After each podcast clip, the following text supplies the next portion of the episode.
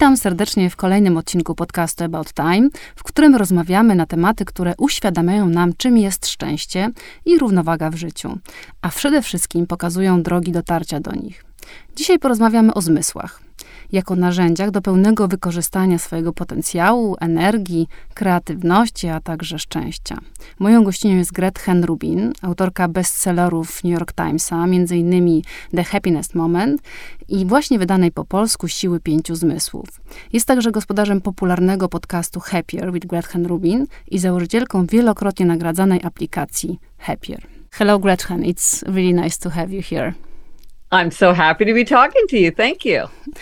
Your book about senses is really amazing and it gave me so much question and inspiration. But I would like to start with the fundamentals, which would be what is a perception and how many senses we actually have?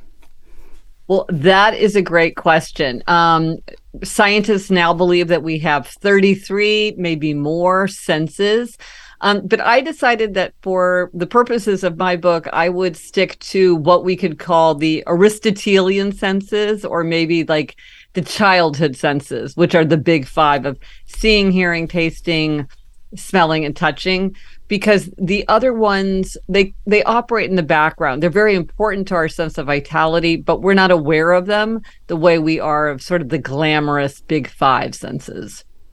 So, what are the others? Just to mention that we have any other of uh, other than this, those five that you mentioned. Uh, oh, like interoception or proprioception, ones like that, ones that people probably are only vaguely familiar with. They're very important, and scientists are studying them more and more. But um, but they're not ones that we're that we're we're typically aware of. So you indulge into senses uh, during your mm-hmm. work mm -hmm. at your book. And um, I was listening to some podcasts when, when you were saying about that, and you, you, you are saying that uh, because getting into the sensor world is very mindfulness, but you are mm-hmm. denying it. You are saying that you are not really, it wasn't really a meditation. So, what kind of indulgence was it for you? Well, for me, I realized that I was stuck in my head, that I was walking through the world and I would be thinking about my to do list or I would be thinking about some paragraph that I was writing in my head. And I would be very oblivious to the sights, the smells, the, the, the sounds around me.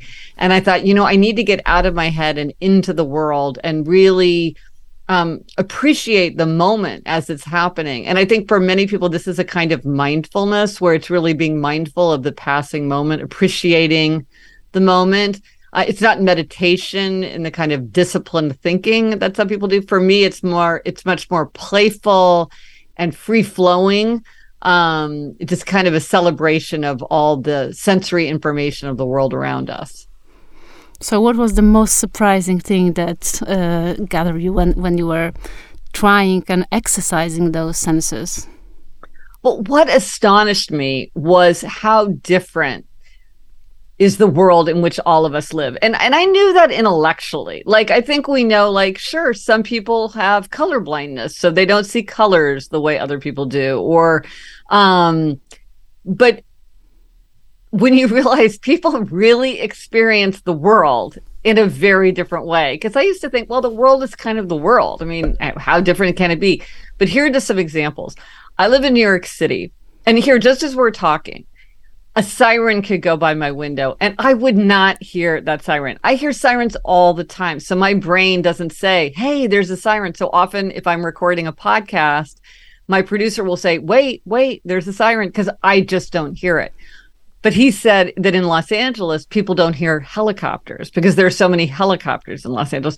So the brain just brings that information to the back. Or you can't smell your home the way a guest smells it. When a smell is very familiar to us, our brain doesn't flag it for us. So someone else could walk into your home and it really smells like cologne or it really smells like dog hair, but you won't smell it because to you it's so familiar. Um, uh, I gave up sugar. I quit eating sugar a long time ago. And one thing I notice is that I'll sort of dimly be aware of a sweet smell, like outside of a bakery, kind of on the very outside of my awareness. But when I ate sugar regularly, I would really notice those smells. But now my brain is like, eh, that that information's not useful to you so we'll just push it to the background and so just realizing that you know uh the way people respond to sound. Like if i'm concentrating i really need silence. But some people want music. Some people want a busy hum like a coffee shop. Um we all have our different preferences our different annoyances um our different the different things that that we notice. And that was surprising to me. Hmm. Yeah, it's a, it's also always the question of the communication because if you have so many different uh, awareness of things or participation of things, it's it you can't really communicate because you are talking about different things, right? Like small, like what you see and how you see yes. things. So yes, in fact, one of the things they say is that like when you look at someone like a perfumer or a wine expert, it's not that they really taste so much better, but they are so they have so much more vocabulary mm-hmm. like they're mm-hmm. so much better able to kind of discern and describe what they're experiencing so it's not like they actually have like a superpower of tasting or smelling but they've just developed their communication ability so much more to, to, to such a greater level of sophistication. So hmm. right to your point. Yeah it's a good lesson for for others because if we can learn it to be much more reach yes. uh, our yes. our life. Okay but yes. anyway if, if it's very individual so are there, there any general rules? Why do we need those senses? How do we use this, them well, they're very important uh, for evolution. Like each one of them really helps us um, in the world. Like you look at something like color. Um, sometimes I think we think of color as being sort of decorative, like something that makes the world more beautiful. But actually, color is very, very helpful in helping us um, pick out objects against patterns, detecting motion. Um, if you've ever looked at a like a, a black and white photo and a color photo, you see how much more difficult it is to um, just see, just discern what what's um, what's in it. Um, you know, color help helps us know when fruits are ripe. Uh, it serves all kinds of very important functions, and um, and so a lot of times when you look at uh, how our senses function, you realize it is because of this evolutionary basis. So back to this idea of smell and how we're not, we don't hear, we don't perceive smell all the time. It's a difference detector. It's meant to alert us about like a pot, like opportunity or danger. But then once we've registered it, it bring it fades out that experience so that a new experience could come in. So let's say you smell cho- cookie, cookie, cookie and it doesn't fade away well then maybe if a smell of burning came in you wouldn't be able to detect it. So the the brain is constantly trying to help us survive um, by the way that we experience our senses. So um, they're very they're really important and they all work together. A lot of our times we think that we're using one sense but we're actually using senses in combination. So um, you think that you're using your hearing, but you're actually using your seeing as well. For instance, when we're listening to people speaking, we actually get a lot of information by looking at the way their lips and their faces are moving. Um, even even hearing people who don't know lip reading actually use that information quite a bit. So your sense of sight um, is really uh, uh, aiding your sense of hearing in ways that you might not realize. Hmm. Yeah, it's like a complex um, yes. uh, ex experience, actually. Yes. Um, no, that's one of the things that I realized. I thought I was studying the five senses in isolation, but in in life, they're they are collaborating all the time. Um, also, when one sense, when we're focusing on one senses, the other senses will kind of pull back. So, like, um, or make room. So, like, that's why if you go to a concert, they lower the lights because it's easier to hear when you don't have as much visual stimulation. Or when you kiss somebody, you might close your eyes um, because then you can you can experience the sensations more intensely because you're not distracted by what you're seeing. So they do they they they adjust for each other constantly. So it's like sounds like a great cooperation then. Yeah. But do we have like primary and secondary senses? Well, the way the human brain is hardwired, uh, we are hardwired for sight. It takes up the most real estate in the brain. Um it is you know it, it it is the dominant sense. And if if the sense of seeing comes into conflict with another one of the senses usually the sense of sight will trump. So, an example of this in everyday life is um, the way flowers now are often bred for their beauty and their resistance to disease, but not so much for their smell. Because if there's a trade off, people are more likely to be guided by their sense of sight. And same things with sort of fruits. Many fruits, um, or or like tomatoes, have been bred for their color, their shape, their size, their consistency. Um, and then maybe people say they don't taste as good as they did. Well, that's because they know if you're in a grocery store and you're looking at a fruit, you're going to be very influenced by the way that it looks, even more than the way you end up understanding the way it tastes. Um, so we are hardwired for sight. But it's interesting. One of the things that I found as I was working on the book is that most of us have a neglected sense. So this is a sense that um, and, and, and by the way, people can take a quiz. Uh, if you go to gretchenrubin.com slash quiz, there's a very short free quiz that will tell you your most neglected sense. And the thing about um, the neglected sense is this is a sense that we we don't use for comfort or pleasure. We tend not to want to learn about it. We don't use it to have adventures with other people. We're often more aware of the annoyances or irritations of that sense than the pleasures or comforts of that sense. And so when you know your neglected sense, then that's like a lot of a lot of opportunity because you think, well, with your appreciated sense, like if you really appreciate your sense of taste, then you're probably already doing a lot of things to um, enjoy your sense of taste and to um, explore your sense of taste. But if you neglect your sense of, of smell, maybe there's a lot of things that you could add to your life that would give you a lot of pleasure and comfort and adventure and engagement with other people in ways that you haven't done before. So, for instance, one of my neglected senses is the sense of hearing. So, I went to a sound bath. I don't know if you have sound baths in in, in Poland, but they're they're very fashionable here in the United States. Um, and uh, I had never been to one because I'm like, I'm not that into my sense of hearing. But then when I thought I should have an adventure with my sense of hearing, what could I do? I was like, oh, I'll make a date with a friend and we'll go experience the sound bath. I'm kind of curious. What is that like? And I had a lot of fun doing that. So because I knew that was a neglected sense for me. My most neglected sense is the sense of taste, which for many people is their most appreciated sense. Um, but I found a lot of ways to tap into the sense of taste. But whatever your neglected sense is, there's a lot of things that you can do to um, just get more um, enjoyment and comfort out of that sense. Exactly. You are talking about enjoyment, and uh, this is what, what my question was before, because you're saying that ev- evolutionary, we have this kind of sense warning, and they are supposed to warn yes. us from things. And we normally, generally, think that senses are for pleasure and indulging. So, uh, and now you're saying that it, it is really a pleasure. So it's good that we use it for both, right?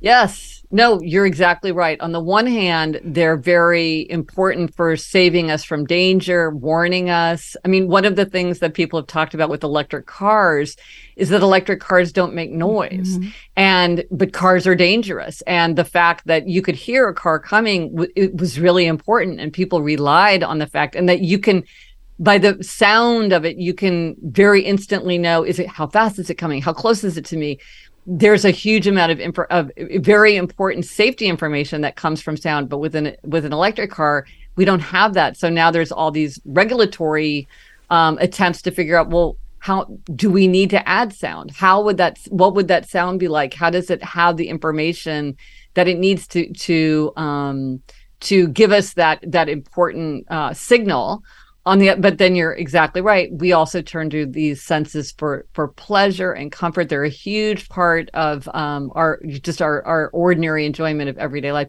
And then of course you know nature always tries to make it fun to do what nature wants us to do. So we like to eat. We enjoy the taste of food. Um uh because we need to eat and um and so um so we we we want to eat what's what's um well, you know, now it's tricky because of, you know, food engineering. Sometimes we love the taste of something that maybe is not so healthy for us, but it, we're we're supposed to like the taste of things that are healthy for us. That's what that's what was meant to be. Let's come back to the roots when it yeah. was easy yes. this way. yeah, yeah, exactly. Okay, so we were saying that the senses cooperate with each other, with each yes. other, and my question would be: What if they get some contradictory uh, information, like a different information from uh, from one uh, source of information? What do they do? Is a power game? One is winning, or how does the brain cooperate with different information from different senses? Well, as I say, usually sight will trump. So there's a really interesting um, phenomenon called the McGurk effect, M C G U R K or C K, McGurk effect. It's really fun to go online and, and look at this. Um, and what the McGurk effect is, is that if your brain hears a sound, but is seeing somebody speaking in a way where it's inconsistent with the sound that you're hearing, like um, it, it will correct what you hear so that you think that you're hearing what you're hearing so that it matches what you're seeing. Um, this is uncanny. Um, you think that a person is making a different sound with their mouth, but your brain is chain is fixing it. Um, it's kind of like an optical illusion, only including sound, and um, and so um, or something like when you go to a movie, you think that the sound of the voice of the actors' voices is coming out of their mouths because your brain corrects that so that what you're hearing and what you're seeing line up but in fact that sound is coming from somewhere else. So um so it's it's it's it's it is the fact that the brain will cooperate that sight usually trumps um but then also all our our expectations also shape what we experience. So for instance the smell of parmesan cheese is very close to the smell of vomit and if you think what you think you're smelling will have a very big difference on what you are smelling. Um, I had this experience with my daughter.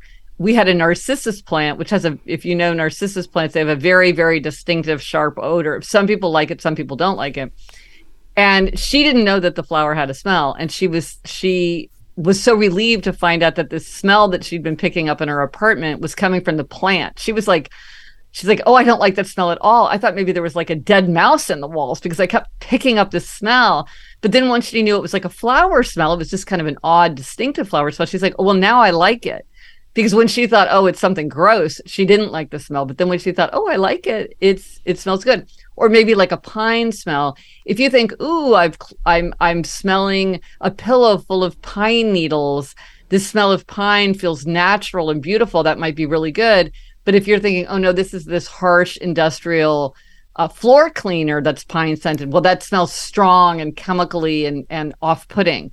So even our expectations um, will shape whether what we think we're experiencing and whether we like what we're experiencing or not because it, what of our associations i mean one thing people assume is that colors have association have certain values like blue is calming or yellow is cheerful. Um, but actually those are all cultural associations. They there's nothing inherent in a color um, that has any kind of particular weight or nature to it those are all cultural associations. Coming to individual. It's like uh, when you yes. say the blue is yes. calm so is it yes. generally calm or i can see blue differently than you do? And for me it might be irritating right? Yes. Yes. Yes, exactly. What are my own per, per, what's what is my own personal uh, landscape look like? And right now, a friend of mine hated the smell of roses because she associated them with her mother's funeral, and so she, she would just she couldn't stand the smell of roses um, because there's nothing inherently good or bad about the smell of roses. It's whatever our association is. So her association was very painful, so she hated the smell. So you are saying also that the senses are kind of providing the memories or like keeping packing the yes. memories, aren't they? Yes, the power of this of the senses to evoke memories is so powerful. Um, each of the senses, and this is something that can be really fun to experiment with if you want to evoke memories. I myself have very I, I feel like I don't have uh, a good memory for my own life. So I'm always trying to come up with ways to remember my own life better.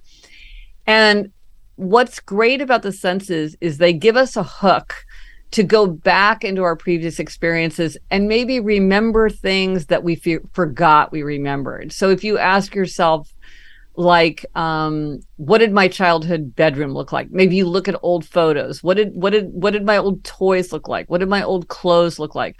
Or i made a taste timeline where i made a timeline of my life and i wrote down all the foods that i i either liked the most at that time or that i ate at that time and no other time. Like I drank Diet Peach Snapple during law school and only during law school. So I have, I have a very strong association with it.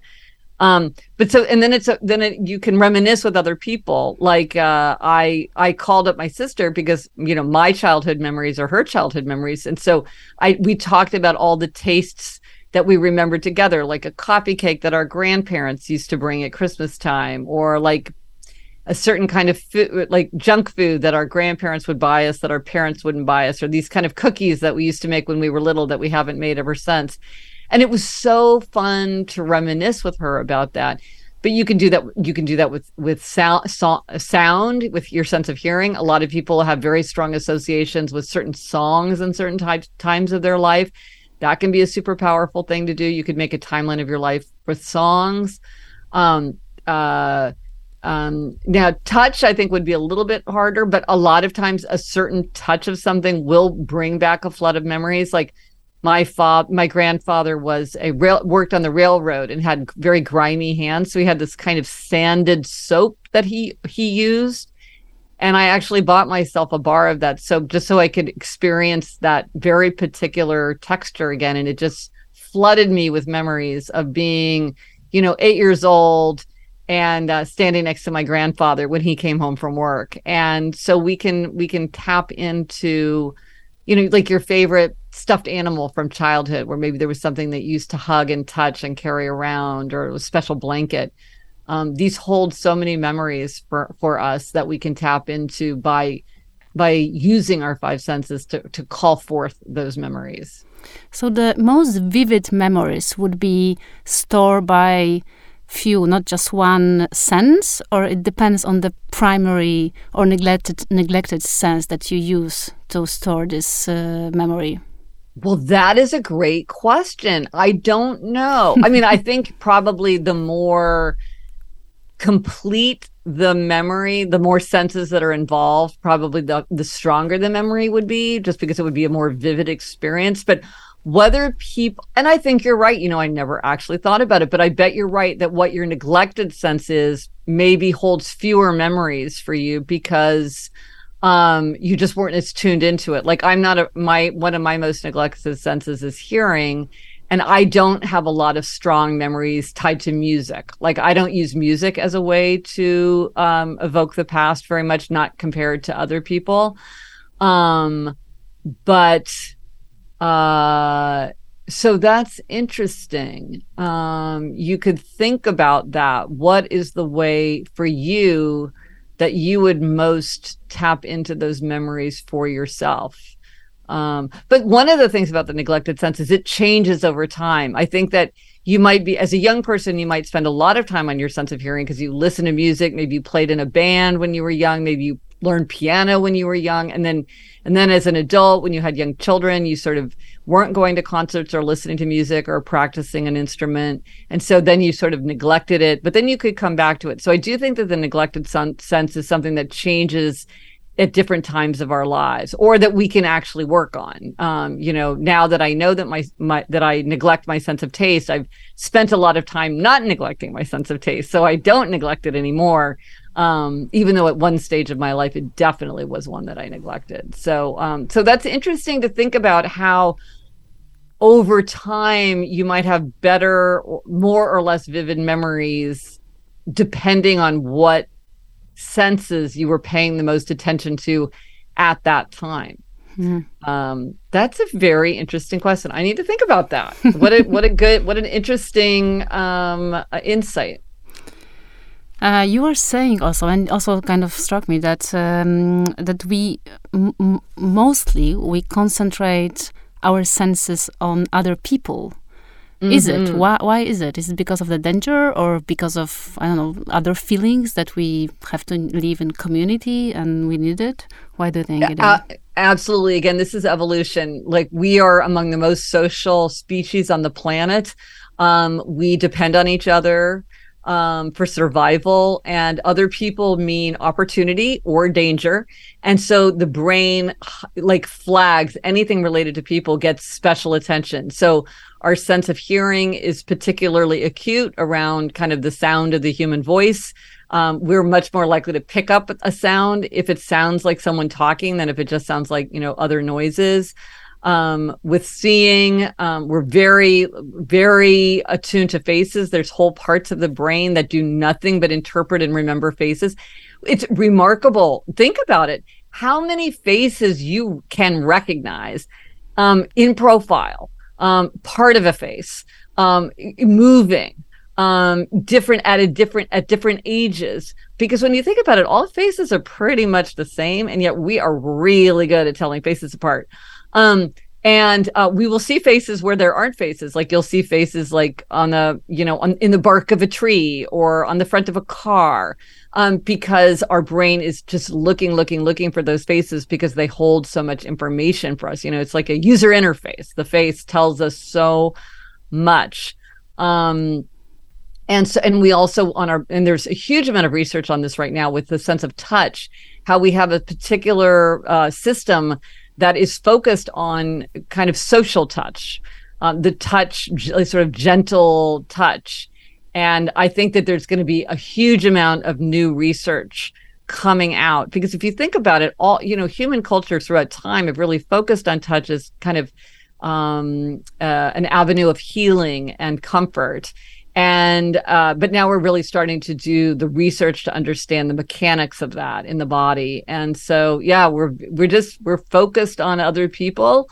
Um and and this is why sometimes it can it can be distracting to try to focus when there are other people around because the brain is saying what are they saying do they look mad? Are they having fun? Are they talking about me? Like what is happening here? Um you know the the brain really is paying attention to that information. It can be distracting. So what what are the superpowers of each senses? Perhaps we start with the vision because as you said is the our primary one well, the superpower of the sense of sight is that um, it really will show us what is happening at a distance. So this is like we don't need to be close up to anything. We don't have to be in, in touch with it.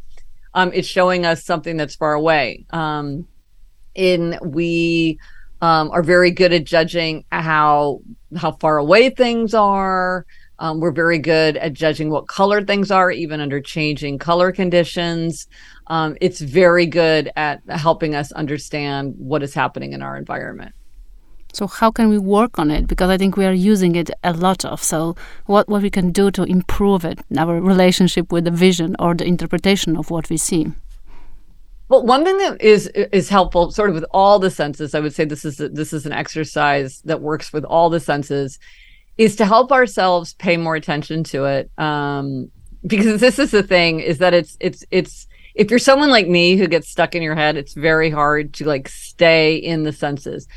So I started keeping a five senses journal. And I actually have a journal like on my site that a person could that's like nicely done, but you could just make your own journal um, with a notebook where you write seeing, hearing, smelling, tasting, touching every day. And then you write down one notable memory um, or that happened that day. So maybe, you know, um, you had like a kind of food that you'd never had before so you could write that down or you petted a, a, friend's cat and it had the most incredibly soft fur you could just write that down. And what that practice does is it helps us stay attuned to our five senses as we're moving through the day because you're always thinking like oh is this something that I would write down in my five senses journal. And so, or like, I remember I was in a neighborhood of New York City that I hadn't been into in a long time. And I noticed that I could hear church bells. And I thought, well, have I been here before and I just never noticed the church bells because I was so oblivious to my sensory surroundings? Probably. Or maybe I just haven't been here when the church bells were ringing. That seems unlikely since they were ringing every 15 minutes but I was able to notice those bells because I had I was thinking, oh, this would be something that I could write down in my journal. So that's a way to whatever sense it is that you're working on, or all your senses, um, that can help you stay attuned for noticing it, as you say, like for for really dialing into that sense as we're moving through our ordinary routines. I'm just wondering how Instagram influences our need for beautiful pictures and looking around oh. much more intense than we probably normally will do. Yes. Oh, well, here on that note, on the on like the allure of technology, here's something that people can do. If you feel like you're very distracted by your phone or by something like Instagram and you feel like you wish you spent less time on it, one of the things you can do with your phone is you can turn it to what's called grayscale. It's very easy to do in your settings. And what it does is it turns your phone screen from being color to being black, white, and gray. And it is much less fun to use it, much more utilitarian, much more difficult to navigate, much less enticing um, when it's black, white, and gray. So if you're a person who's looking for ways to step away from your phone, that is a major way also if you have a child who really wants to use a device and is constantly begging you to borrow your phone or your or you know whatever um, turn it to grayscale and just tell them that it's broken and you don't know how to fix it. Um, because they will be much less interested in using it if it's if it's in black white and gray. Because you're right the co- the intense colors and visual stimulation of the phone is part of why we find it so hard to look away. There's that intermittent reinforcement of like constantly something to look at, constantly something new and interesting. All those faces, right? What it's literally called Facebook. Um, we love faces and social media. Like you're getting more faces in your in your eyeballs than ever before could ever have been imagined in history. And that's part of why it's so um so uh tempting. So what does the overstimulation does because we are always simulated, sim- simulated as you said with with the pictures mm-hmm. with the mm-hmm. colors with the sounds probably with the yeah. quality and with the fast how, how fast it's changing all yeah. the time so well the, it, it's yeah, it, it's interesting because on the one hand it's we're overstimulated um there's so much to see um, if I'm watching a movie, I'm seeing all these visual images, but I'm also hearing a soundtrack, like in a way that I would, you know, adding to the emotion in a way that I would never have in ordinary life.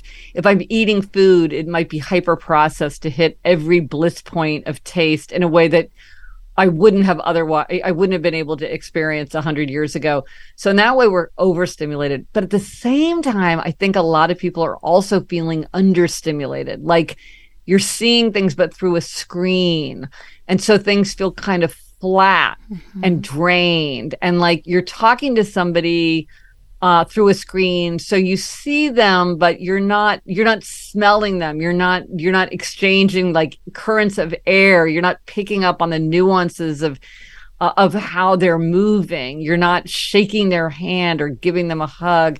Um, you're you're it's music but it's not it's not being played in person. It's not you're not feeling the vibrations um in the same way.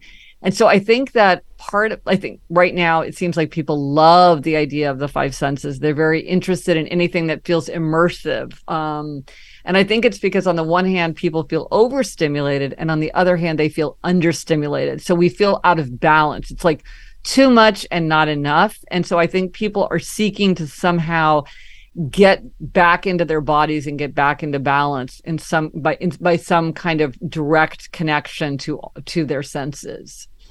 Yeah you're totally right. It just it, I, I i totally agree that it's kind of flat you know the whole the yes. stimulation that we are getting. And as you said is we are just li- relying on our sight because of the flat screen that we are or hearing which is also not like a 3d hearing but it comes from somehow speaker. So yes they that's maybe why we are so stuck in our head because everything yeah. is processing there and we don't really experience yeah. the um, the outward so so yeah yes. we have to go back to the forest to see well it, yeah no exactly and i think that's why something like forest bathing or spending time in nature is so I- appealing to people because it feels like that that immersion and that sort of total experience it's funny i have a podcast the happier with gretchen rubin podcast and from time to time I'll meet people who listen in person and they always are so surprised. And I've had that where I've listened to people's podcasts and then I've met them in person and it's like, oh my gosh, there they are in three dimensions. Like they're an actual person with a face and like a size and and and and a, and it, it it's just kind of a shock to realize like oh there's an actual person there because you're so used to this very kind of filtered aspect of somebody's um you know their their disembodied voice seems so funny when it's coming out of their actually embodied body um, and I, I always find that to be such a kind of eerie moment. And I, because I've been on both sides of it, where somebody's seeing me who's only heard my voice, or I'm finally seeing somebody.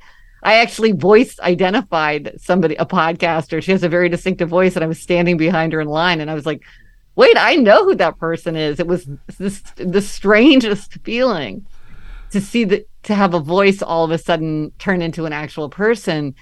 Um, and it's great that we have these technological ways to connect. I, I I think it's incredibly valuable, but I do think it has this consequence of making us want to somehow get back into a state of balance. Yeah, definitely about hearing because I think it's mm. very interesting, and I'm I'm super interest, interested in the music and how the waves affect our brain because there are some researches that actually proves that the music can upload our yes. mood or download yes. it. So so tell about that. How does it work, and how can we kind of manage that? No, you're absolutely correct. Um, one of the quickest, easiest ways to intervene in your mood is to listen to like some of your favorite upbeat songs. And so, um, listening to music uh, gives helps people stay energized and enjoy exercise more. So this is why gyms will play music.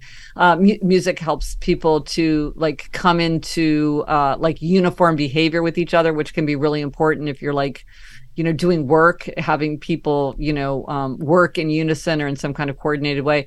It's interesting though because back to this idea of evolution. One of the things that puzzles scientists is that music is a is a universal um, cultural practice. Every human culture throughout time and across the world has music. Of course it's very different but they all have music. And the question is why why is something that is not necessarily um, essential for life why is it so ubiquitous? And they think maybe it has to do with people being able to coordinate with each other. Maybe it is the way to like bring people bring people together because since we are so social it is important that we be able to coordinate and come together. Maybe it is the way that it affects mood. Maybe it's an outgrowth of our other kind of creative um uh, uh, exploring curious uh, the aspects of human nature. So there's a lot of different theories about why that might be. But for whatever reason that it exists it's definitely very true. It's very tied to memory as we were talking about before. Um, it's very tied to mood. Um, it's very for many people it's very tied to feelings of transcendence. You know listening to music can give fill people with awe with a sense of wonder, with a sense of the poignance of uh, uh, of life. Um, it's you know outstanding in in in um, evoking emotion, and it's also for many people a really important aspect of um, you know there's the touch aspect with it because you're like striking the keys or or or strumming an instrument. There's a lot of satisfaction that comes from just the tactile uh, um, aspects of people who are playing music. And playing together that's can be a huge part of people's enjoyment of other people is to you know listen to music together go to concerts together even more sing together or play music together. Um and it's a it's a source of you know like like exploration and fun. People love finding a new song that they love or a new artist that they love. I think you know um now it can feel sort of overwhelming because there's so much that's available to us but for some people that's some people that fi- feels overwhelming but for many people that feels very very exciting. Um yeah music is a i have to say i i one of the things i realized writing life in five senses is i'm not really a music lover the way i think a lot of people are where they like they love an artist and they listen to everything from that artist or they love a genre of music like hip hop and they love listening to hip hop I like a song. Like I'll like one song by an artist and I will listen to that one song over and over and I will love that one song, but it doesn't make me want to listen to more songs by that artist or in that genre. I just like the one song. So I don't I don't actually listen to music that much, but I've become much better at looking for the song or like being attuned to finding a new song that I love and listening to it Um, but I'm I'm kind of unusual. I think most people listen to music in a different way. But even someone like me really loves listening to music when it's something that I love. I totally understand. I'm the same person. I'm like Oh, so- song you are? person. Totally. I can- yes, because you know other people they just like listening to music in a different way, right? now I love songs, but I'm getting fed Yes. Mm. up and I need to find another love of my song. But I'm still, it's a song that makes me kind of thrilled. So yeah, totally. It's very hard to if you're a song lover, it's hard it's exciting to find a new song because they're few and far between, at least for me. Exactly. Yeah. so Yeah. we should share our Spotify. Yes. Yes, So- exactly. Very short. I know. Yeah. But uh, as you said, uh, I, I think that the hear uh, the hearing is and the music is a very social kind of sense. What about and the touch? I would say it's very individual, isn't it? Well, but unless we're touching other people, which is a really important source of touch. So, you know, like uh it's interesting. It's it it, it is such it's such a powerful um connection that it's you know there's all kinds of rules about it. I mean, obviously there's some kinds of touch that's illegal. Um, or if not illegal, inappropriate, or even just in casual um, day to day, there are a lot of just um, uh, etiquette rules about how close do you stand to somebody? Do you hug them? Do you shake their hand? How long do you shake their hand? Can you um you know we it, it, it's so powerful the touch of another person that um that we really regulate it and we are very very sensitive if somebody violates the rules. Like you know especially if they would do something illegal but even just kind of slightly inappropriate we are very aware of it. Um so and then, then there's all kinds of ways that people can uh, sort of find in order to be touched in ways that are socially appropriate so that's like getting a massage having acupuncture um uh you know um there's there's different kinds of practices where y- you know you can uh, getting a manicure you know part of it is that you're being touched by another person i think this is one of the reasons people love animals is the I saw this with my husband. We got a dog. And I my husband wasn't particularly a dog person. He was like he was my children really wanted to get a dog. So he was like, okay, let's get a dog. He loves the dog. And part of it is my husband is a real touchy like loves hugging, loves holding hands, very like that kind of person. And he loves having a dog. He'll pull the dog onto his lap. He's constantly petting the dog, holding the dog um it gives him that feeling of touch which for him is very social and very important. But then i think for some people it's not. They don't like to be touched. They they have a much different uh threshold for it. And again it's these different um these different experiences that we all bring to it. We have di- and and i think this is one of the things that's important to remember is that we need to be considerate of other people's preferences. And just because i feel like something is comfortable doesn't mean that someone else is going to think it's comfortable. So if someone's like, "Well, I'm a hugger. I love to hug." It's like, "Well, maybe other maybe that person doesn't want to be hugged. Maybe there's somebody who is very uncomfortable with people touching them, especially people they don't know well." Like to just be aware of that, just the way you would be aware that some people would prefer that you not wear perfume to the office because they don't like heavy smells or some people don't want to wear scratchy fabrics because they're very bothered by th- by te- unpleasant textures like we we all need to try to create environments where everyone can feel comfortable and thrive because we really bring such different preferences to the table Yeah, it's totally different uh, dimension of, of experiencing thing. yes. So last question. Uh, what, what would you say, which sense would be the one that humankind would survive without?